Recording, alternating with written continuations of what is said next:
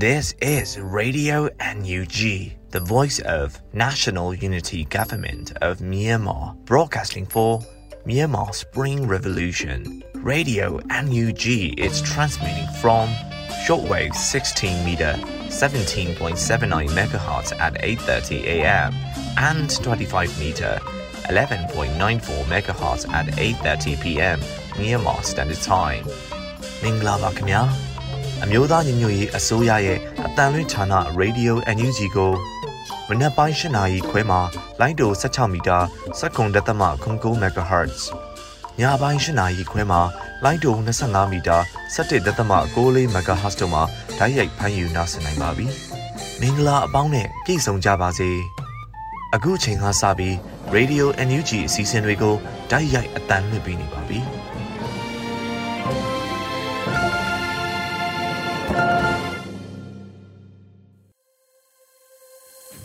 မြန်မာနိုင်ငံသူနိုင်ငံသားအပေါင်းတဘာဝပြီးစစ်အာဏာရှင်ဘေးရောကနေကင်းဝေးပြီးကိုစိတ်နှပါကြမှာလုံးချုံပေးကင်းကြပါစေလို့ Radio UNG အဖွဲ့သားများကစုမုံကောင်းတောင်းလိုက်ပါတယ်ရှင်။အခုချိန်အားစပြီးကာကွယ်ဝင်ကြီးဌာန၏စစ်ရေးတရင်အချင်းချုပ်ကိုဟိန်းကိုကိုကဖတ်ကြားတင်ပြပေးပါမယ်ရှင်။မင်္ဂလာပါခင်ဗျာအခုချိန်ကစပြီးမြို့သားညီညွတ်ရေးအစိုးရကာကွယ်ရေးဝန်ကြီးဌာနမှထုတ်ပြန်တဲ့နေ့စဉ်စီရေးသတင်းချင်းချုပ်ကိုဖတ်ကြားပေးပါတော့မယ်ခင်ဗျာ။ဂျွ န်လ9ရက်နေ့သတင်းများအရရန်သူတပ်သားတိတ်ဆုံးသူ18ဦးရှိပြီးဒဏ်ရာရရှိသူစုံစမ်းဆဲဖြစ်ပါတယ်ခင်ဗျာဆက်လက်ပြီးအာနာသိန်းချက်ဘက်စစ်တပ်နဲ့တိုက်ပွဲဖြစ်ပွားမှုသတင်းတွေကိုတင်ပြပေးပါမယ်မကွေးတိုင်းမှာဇွန်လ6ရက်နေ့မနက်8:15မိနစ်ခန့်ကစောမြို့နယ်လောင်းရှိဒေသညောင်မင်းကျေးရွာရှေ့ထိပ်သို့ရောက်ရှိလာတဲ့စိတ်ဖြူမြို့နယ်ကပ္ပစ21မှရန်သူတပ်သားများကိုပြည်သူ့ကာကွယ်ရေးတပ်မတော်ကံကောခရိုင်အမှတ်6တပ်ရင်းမှမိုင်းဆွဲတိုက်ခိုက်ခဲ့ရာ ရန်သူဘက်မှထိခိုက်ကြဆုံးစုံစမ်းစစ်ဆေးစက်နဲ့ PDF တပ်ဖွဲ့ဝင်များအထိခိုက်မရှိစုခွာနိုင်ခဲ့ကြောင်းသတင်းရရှိပါရခင်ဗျာဇွန်လ6ရက်နေ့နေ့လယ်2:48မိနစ်ခန့်မှညနေ3နာရီခွဲအချိန်ထိစောမြို့နယ်ကြောက်ထုဒေသတရချင်းကျေးရွာအရှိဘက်သို့ဝင်ရောက်လာတဲ့တပ်မ89 101မှပူးပေါင်းအင်အား83ဦးကိုပြည်သူ့ကာကွယ်ရေးတပ်မတော်ကံကောခရိုင်အမှတ်6တပ်ရင်းမှပြစ်ခတ်ခဲ့ရာရန်သူဘက်မှအထိခိုက်အကြဆုံးစစ်ဆေးဆက်နှင့် PDF တပ်ဖွဲ့ဝင်များအထူးကအကြဆုံးမရှိပြန်လည်ဆုတ်ခွာနိုင်ခဲ့ကြောင်းသတင်းရရှိပါရခင်ဗျာအလားတူပဲဇွန်လ6ရက်နေ့ညနေ3နာရီခွဲခန့်မှ3:45အထိမကြီးစုကျေးရွာနိဒေတာခေါ်သုံးလန်းစုံနီးသို့စောမြို့နယ်ကပ္ပစ25မှာတင်ကားတစ်စီးနဲ့တပ်ဖွဲ့ဝင်အင်အား20ခန့်လိုက်ပါလာတဲ့ရန်သူစစ်ကြောင်းအားပြည်သူ့ကာကွယ်ရေးတပ်မတော်ကံကောခရိုင်အမှတ်9အမှတ်6တပ်ရင်းတို့မှ drone ဖြင့်ဘုံချတိုက်ခိုက်ခဲ့ရာရန်သူဘက်မှထိခိုက်ဒေဆုံးသူစီးစစ်ဆဲနဲ့ PDF တပ်ဖွဲ့ဝင်များအထူးကမရှိပြန်လည်ဆုတ်ခွာနိုင်ခဲ့ကြောင်းသတင်းရရှိပါရခင်ဗျာမန္တလေးတိုင်းမှာဇွန်လ9ရက်နေ့နေ့လယ်တနာရီခန့်ကမလိုင်မြို့နယ်တရက်ကောင်းပင်ကျေးရွာမှာအထိုင်ချတပ်ဆွဲထားတဲ့ရန်သူတပ်သားများကိုပြည်သူ့ကာကွယ်ရေးတပ်မတော်နထိုးကြီး People Defense Force မြင်းကြံခရိုင်အမှတ်၄တပ်ရင်းမြင်းကြံ District Drone Strike Team တို့ဖွဲ့တို့မှ drone ဖြင့်ဘုံသီးတစ်လုံးချတိုက်ခိုက်ခဲ့ရာရန်သူတပ်သားများထမင်းစားနေသည့်အဆောင်ကိုထိုးဖောက်ဝင်ရောက်သွားခဲ့ပြီး ရန်သူတပ်သား9ဦးသေဆုံးခဲ့ကြောင်းသတင်းရရှိပါသည်။ညနေ4နာရီခန့်မှာနထိုးကြီးမလိုင်လမ်းမှာစုရကုန်းရွာရဲ့တောင်ဘက်မှာစစ်စေးဂိတ်ပြုလုပ်နေတဲ့ရန်သူတပ်သား10ဦးကိုဒရုန်းဖြင့်ဘုံသီးနှစ်ကြိမ်ချတိုက်ခိုက်ခဲ့ရာရန်သူတပ်သား3ဦးသေဆုံးပြီးအချို့ဒဏ်ရာရရှိခဲ့ကြောင်းသတင်းရရှိပါရခင်ဗျာ။တနင်္သာရီတိုင်းမှာဇွန်လ6ရက်နေ့နေ့လယ်2နာရီချိန်ခန့်ကတနင်္သာရီမြို့နယ်ချောင်းကြီးကိုရွာဘုံကြီးကျောင်း၌တပ်ဆွဲထားတဲ့အင်အား30ကျော်ရှိအကြမ်းဖက်စစ်တပ်ကို KTLA TCGF ခေါတောင်းတမန်အထူးစစ်ကြောင်းဗမ်မလိုက်ပြောက်ကြား SWTF ဒနင်းသာရီရိုးမအဖွဲ့ဒေါ်ဘုံကြီးဖွဲ့တို့ပူးပေါင်းပြီးဝင်ရောက်တိုက်ခိုက်ခဲ့ရာအပြန်အလှန်ပစ်ခတ်မှုတနအီခန့်ဖြစ်ပွားခဲ့ပြီးရန်သူတပ်သား10ဦးထပ်မံတေဆုံးခဲ့ကြောင်းသတင်းရရှိပါရယ်တိုက်ပွဲဖြစ်ပွားခဲ့ပြီးနောက်ရန်သူတပ်၏အာမတ306တနင်္သာရီကာယခါကနေ120မမလက်နက်ကြီးနဲ့ဒရက်ဆက်ပစ်ခတ်ခဲ့ကြောင်းသတင်းရရှိပါရခင်ဗျာ အခုဆက်လက်ပြီးအာနာသိန်းကျန်းဖက်စစ်တပ်ကကျူးလွန်တဲ့ရာဇဝတ်မှုများကို တင်ပြပေးပါမယ်။မန္တလေးတိုင်းမှာဇွန်လ6ရက်နေ့ည9:35မိနစ်ခန့်မှာမန္တလေးမြို့ဖျားကြီးအရှိဘက်မုတ်ဓမာယုံနီးမှာရဲနှုတ်ကစလွန်ကားအဖြူနဲ့မြို့သားသုံးကိုဖမ်းဆီးထားကလက်များကောင်းပေါ်တင်ပြီးဒူးထောက်ထိုင်ခိုင်းထားကြောင်းသတင်းရရှိပါရခင်ဗျာ။မကွေးတိုင်းမှာဇွန်လ6ရက်နေ့နေ့လယ်3:20ခန်းကထီးလင်းမြို့နယ်စင်ထိုးရွာနဲ့ရွာအရှိဘက်ရေကန်အနီးသို့ ကင်းထောက်လေရင်နဲ့တောင်မြောက်ဝဲပြန်နေပြီးမုံရွာနမခမှပြန်တက်လာတဲ့တိုက်ခိုက်ရေးရဟရင် MI35 ဖြင့်ကျေးရွာကို9ကြိမ်ပတ်ပြန်ခဲ့ပြီး4ကြိမ်တိတိ40မမ rocket 16လုံး .5 ဆက်လက်များနဲ့လေကြောင်းတိုက်ခိုက်မှုပြုလုပ်ခဲ့ရာဒေသခံပြည်သူများ၏နေနှလုံးပျက်စီးခဲ့ကြောင်းသတင်းရရှိပါရခင်ဗျာဟုတ်ကဲ့ပါအခုသတင်းများကိုမြေပြင်သတင်းတာဝန်ခံများနဲ့ခိုင်လုံသောသတင်းရင်းမြစ်များမှစူးစီးတင်ပြပေးထားတာဖြစ်ပါတယ်ခင်ဗျာကျွန်တော်ဟိန်းကူကူပါ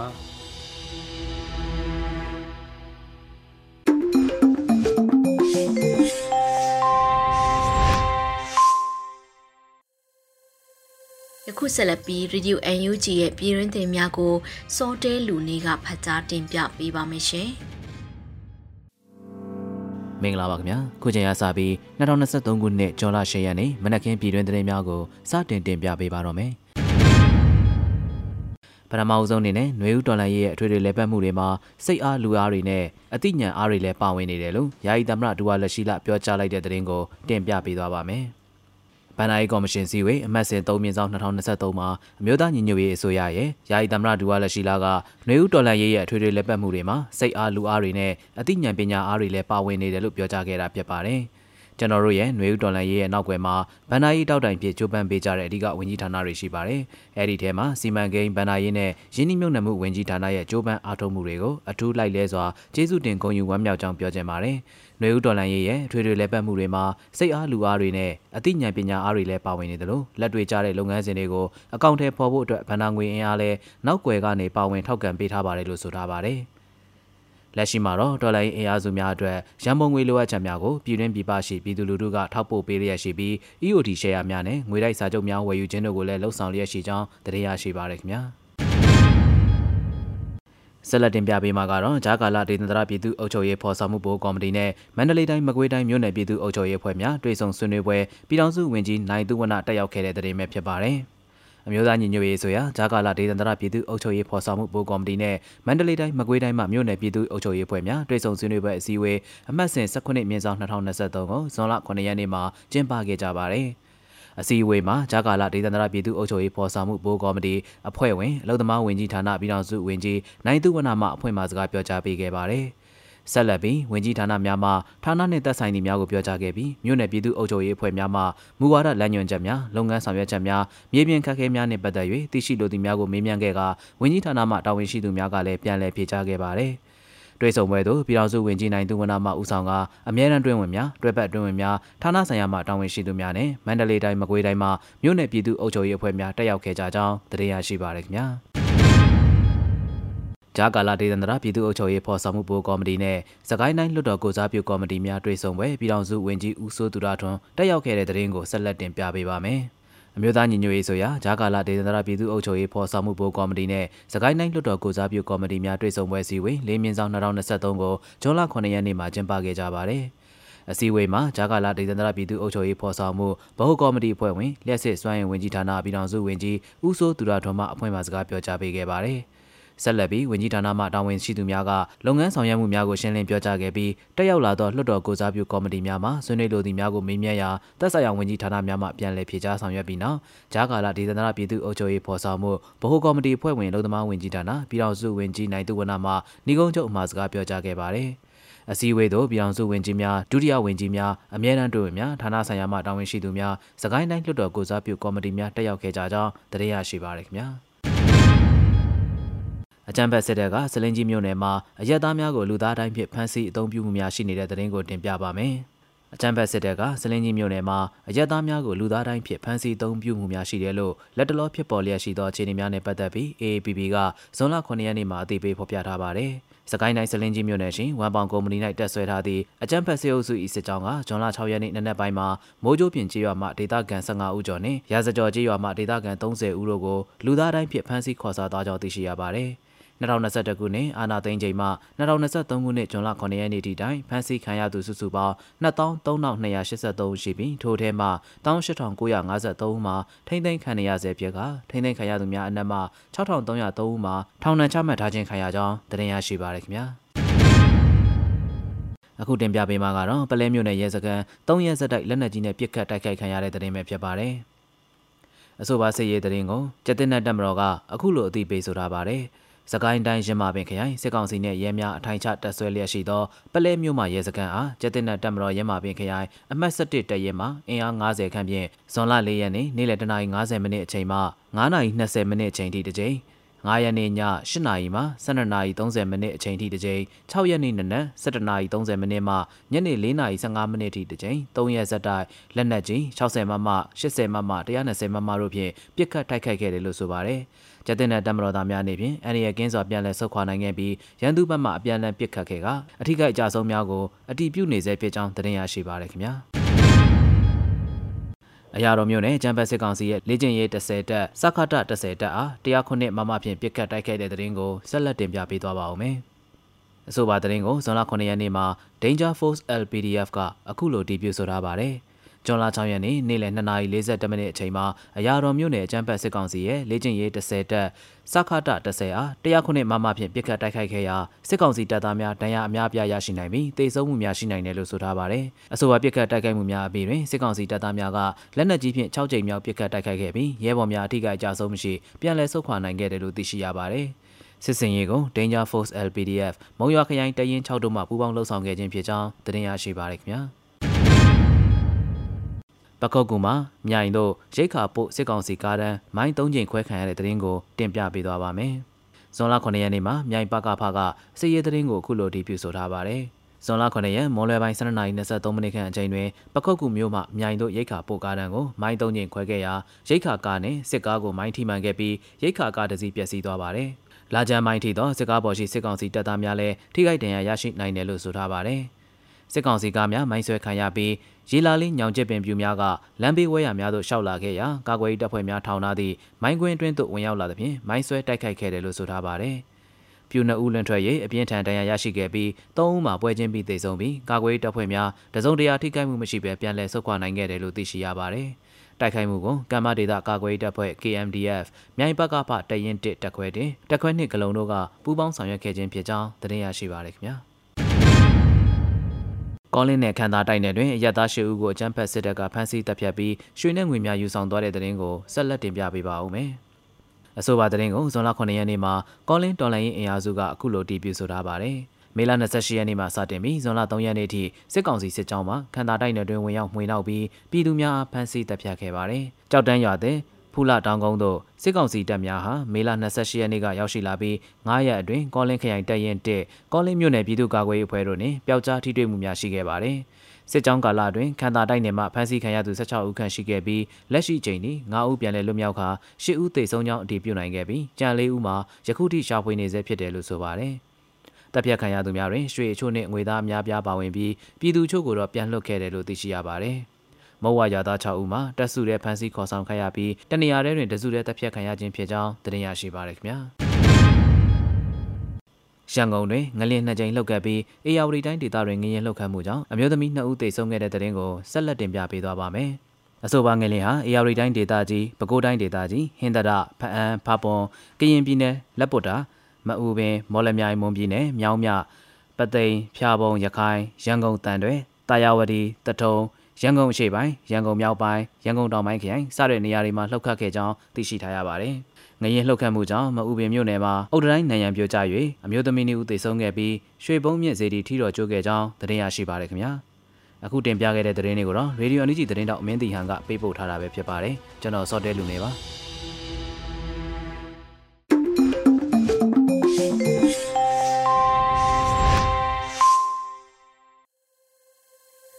Radio UNG မှာဆက်လက်တန်လှည့်ပေးနေပါတယ်ရှင်။ယခုဆက်လက်ပြီးကျော်မင်းထွန်းနယူးယောက်ရေးသားထားတဲ့အရှင်ထွက်ချင်းမထွက်ချင်းဆိုတဲ့တော်လိုင်းကဗျာတစ်ပုဒ်ကိုຫນွေဦးမိုးကဖတ်ကြားတင်ပြပေးပါမယ်ရှင်။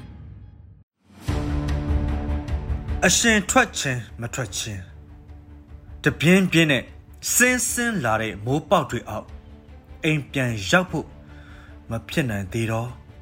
မှန်ကင်တလက်ထင်းတလက်ပေါ်တ အေးအေးနဲ့ပိပိလာတဲ့မြည်ရည်ထဲမှာရေစီးတစ်ခါရေတာတလက်ပုံလုံးတလက်ငဖြံတလက်ဒီတစ်ခါရေချိုးခက်ပြီးမှအိမ်ပြန်မယ်ဖီယန်နိုသာတီးချင်ကြတာမယ်လိုဒီအတက်အကျကမမှန်သေးဘူးလူငယ်တွေကအမှန်အကန်လူကြီးတွေကအကြံအဖန် online forum တွေထဲအားချောင်းနေစေမတိခလုတ် ထိခလုံးနဲ့လမ်းပေါ်ညှိနေတဲ့အမိုက်ထုတ်တွေကိုတော့ချုပ်ရိုးကြောင့်မပေါ်အောင်ရှင်းပြမှာအလှဲ့ကြမနှွဲ့ရငါတို့ကို sorry ဒါလုပ်လို့မရဆွေးနွေးပွဲတွေဆွေးနွေးပွဲတွေတကားပိတ်ထားတဲ့ဆွေးနွေးပွဲတွေဆွေးနွေးလေသွေးအေးလေဖိအားပေးအောင်စစ်တိုက်နေရာဇဝင်မှာအရှင်ထွက်တဲ့အာဏာမရှိဘူးကြည့်လေကပါမှာဟစ်တလာ ဂရာဖီနဲ့ဟူစိန်ပြီးတော့မြန်မာပြည်ကဖီလိန်အာနာလိန်သူတွေဟာအရှင်မထွက်ဘူးကျော်မင်းထွန်းနယူးယောက်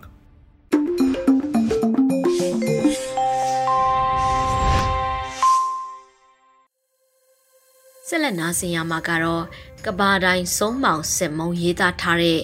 တက်ရဒေတာထွက်ခဲ့ကြတာမင်္ဂလာဆိုတဲ့တော်လှအစည်းတပုတ်ကိုလွတ်လပ်နေဦးကဖတ်ကြားတင်ပြပေးပါမယ်ရှင်။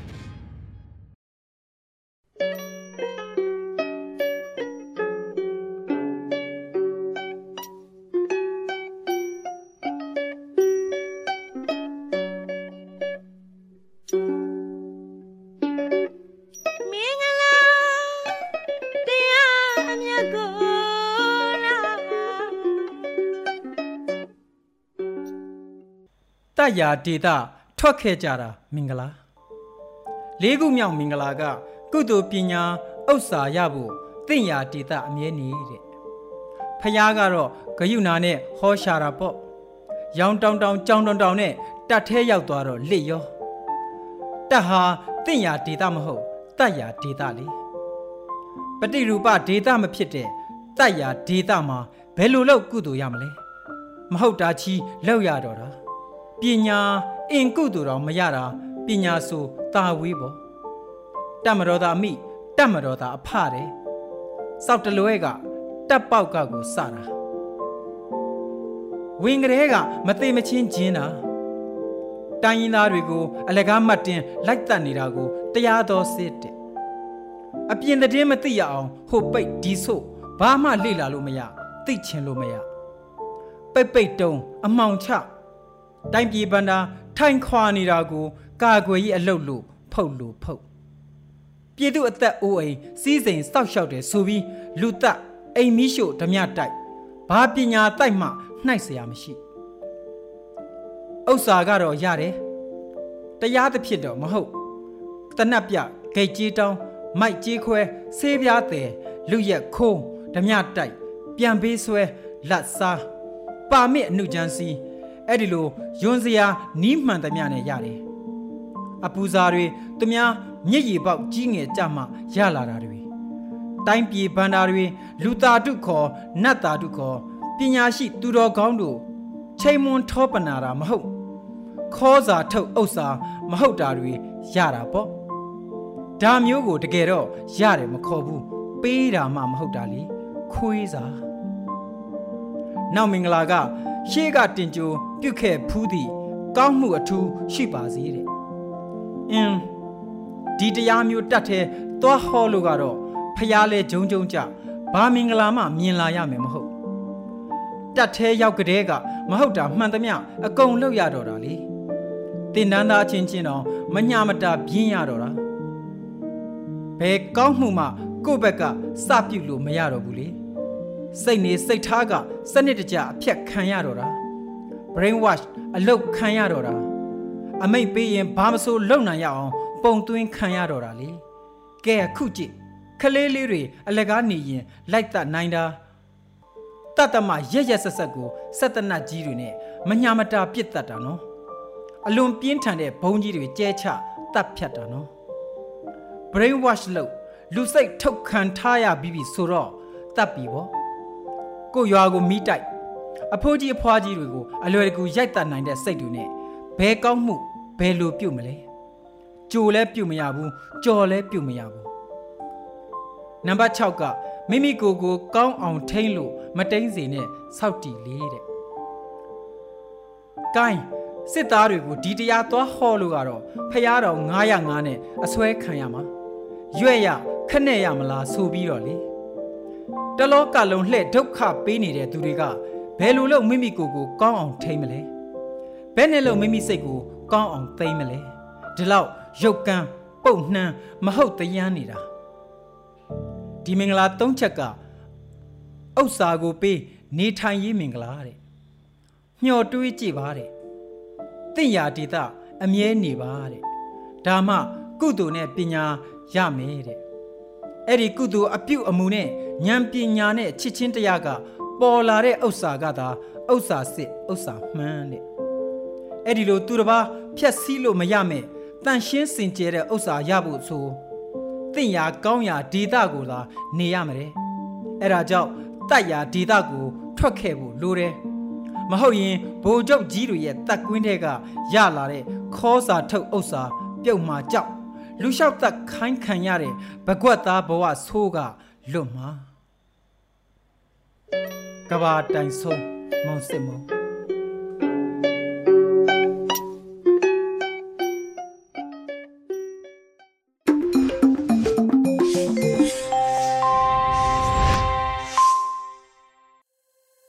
ဆက်လက်ပြီး PPTV ရဲ့နေ့စဉ်သတင်းများကိုထက်ထက်အင်ဒရာအောင်ကဖတ်ကြားပေးပါမယ်ရှင်။ အခုချိန်ကစပြီး PPTV သတင်းတွေကိုတင်ဆက်ပေးတော့မှာပါ။ကျွန်မထက်ထက်အင်ဒရာအောင်ပါ။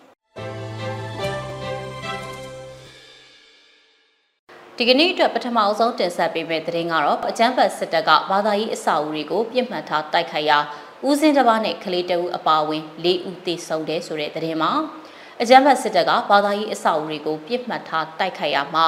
ဦးစင်တပါးနဲ့ကလေးငယ်တအူပြည်သူ2ဦးစုစုပေါင်း4ဦးသေဆုံးသွားတယ်လို့ KNU ဗဟိုကဒီကနေ့သတင်းထုတ်ပြန်ပါတယ်။ဗုဒ္ဓဘာသာဘုန်းကြီးကျောင်းတစ်ကျောင်းအစ္စလမ်ဘာသာဝင်တွေရဲ့ဗလီတစ်ကျောင်းနဲ့အစ္စလမ်လူမှုကူညီရေးနေဗန်ရင်တစည်းကြီးစားထိမှန်ပျက်စီးသွားတယ်လို့ KNU ဗဟိုကဆိုပါတယ်။အကြမ်းဖက်စစ်တပ်ကအယက်သားပြည်သူတွေကိုပြစ်မှတ်ထားတိုက်ခိုက်ရမှာဦးစင်တပါကလေးငယ်တဦးနဲ့ပြည်သူ2ဦးအသက်ဆုံးရှုံးသွားတယ်လို့သိရတာပါ။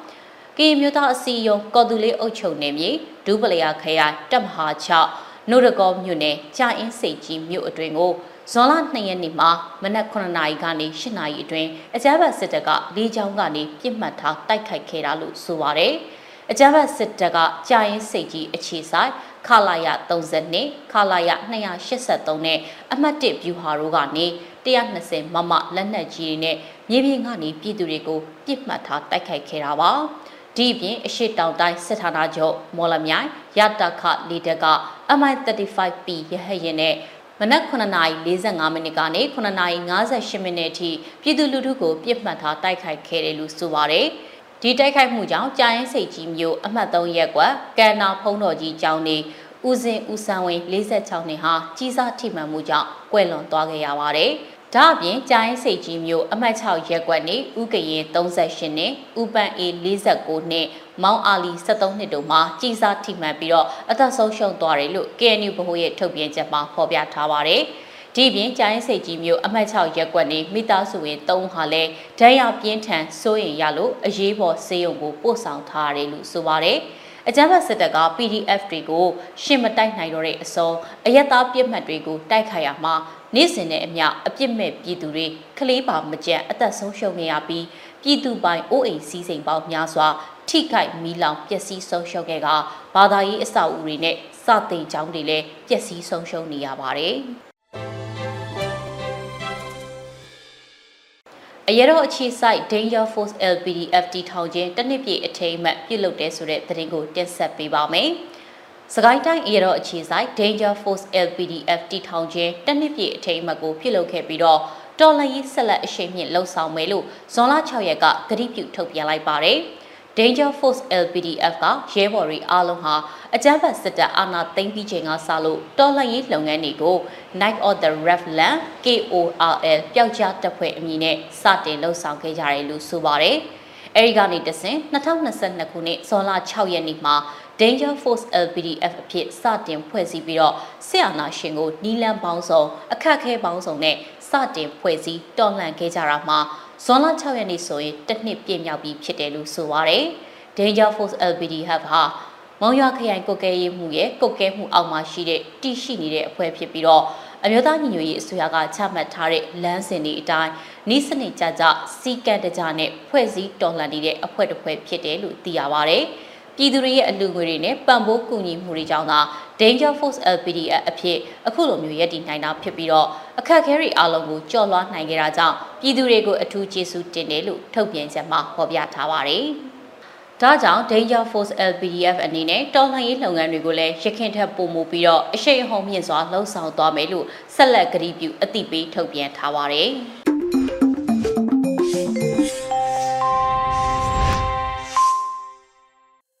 ဆက်လက်နားဆင်ရမှာကတော့တော်လှန်ရေးတေးဂီတအစီအစဉ်ကနေ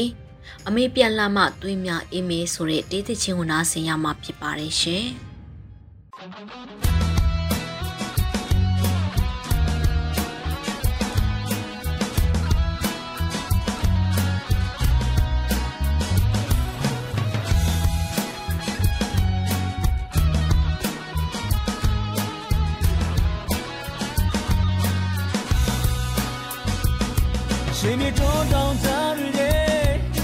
တို့ရဲ့မြမပြည်ထွက်နိုင်ရတာဝန်ထမ်းရွယ်ကြမယ်တို့များတွေ့တာဒီသစ္စာပြုကနိုင်ရတဲ့ဖြစ်ပြီးအာနာရှင်တုံးလန်ကြမဟဲငါတို့ရဲ့မြမပြည်အတွင်းခေဟောင်းစနဲ့ဆိုပြိုလဲချဖို့ရညီညွတ်တိုက်ထုံးလေအဆုံးထိသွားမယ်အောင်ဝဲရှိရမယ်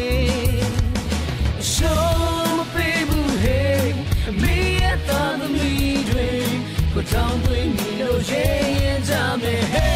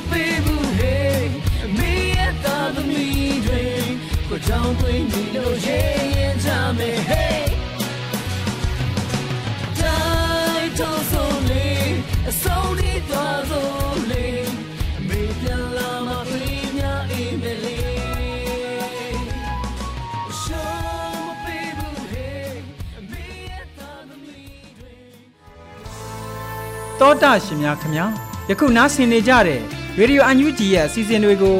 ရေဒီယိုလေးလိုင်းပေါ်မှာတိုက်ရိုက်ဖမ်းယူနားဆင်နိုင်တယ်လို့ website YouTube Telegram Facebook အစရှိတဲ့အခြားသော internet platform မျိုးစုံမှာလည်း မနေ့တစ်ကြိမ်ညတစ်ကြိမ်ပုံမှန်ထုတ်လွှင့်ပေးလျက်ရှိပါတယ် YouTube ပရိသတ်များအနေဖြင့် Radio UNG Channel ဖြစ်တဲ့ youtube.com/radiounug မြန်မာကိုဝင်ရောက် subscribe လုပ်ထားပြီးတော်လိုင်းရစ်အတွက်ထောက်ပို့ဝင်ငွေများကိုတစ်ဖက်တစ်လမ်းကပါဝင်ကူညီနိုင်တဲ့အကြောင်းအသိပေးတင်ပြအပ်ပါတယ်ခင်ဗျာဒီကနေ့ကတော့ဒီညနေပဲ Radio NUG ရဲ့အစည်းအဝေးကိုခਿੱတရနာလိုက်ပါမယ် မြန်မာစံတော်ချိန်မနက်၈နာရီခွဲနဲ့ည၈နာရီခွဲအချိန်တွေမှာပြန်လည်ဆုံးဖြတ်ကြပါစို့ Radio NUG ကိုမနက်ပိုင်း၈နာရီခွဲမှာလိုင်းဒို16မီတာစက္ကန့်တသမ9 MHz ညပိုင်း၈နာရီခွဲမှာလိုင်းဒို25မီတာ17သမ6 MHz တို့မှာဓာတ်ရိုက်ဖမ်းယူနားဆင်နိုင်ပါပြီမြန်မာနိုင်ငံသူနိုင်ငံသားများကိုယ်စိတ်နှပြကျန်းမာချမ်းသာလို့ဘေးကင်းလုံခြုံကြပါစေလို့ Radio NUG အဖွဲ့သူအဖွဲ့သားများကဆုတောင်းလိုက်ရပါတယ်။အမျိုးသားညီညွတ်ရေးအစိုးရရဲ့စက်သွေးရေးသတင်းအချက်အလက်နဲ့ဤပညာဝန်ကြီးဌာနကထုတ်လွှင့်နေတဲ့ Radio NUG ဖြစ်ပါတယ်။ San Francisco Bay Area အခြေစိုက်မြန်မာမိသားစုများနဲ့နိုင်ငံတကာကစေတနာရှင်များလှုပ်အားပေးများရဲ့ Radio NUG ဖြစ်ပါတယ်။အရေးတော်ပုံအောင်ရမည်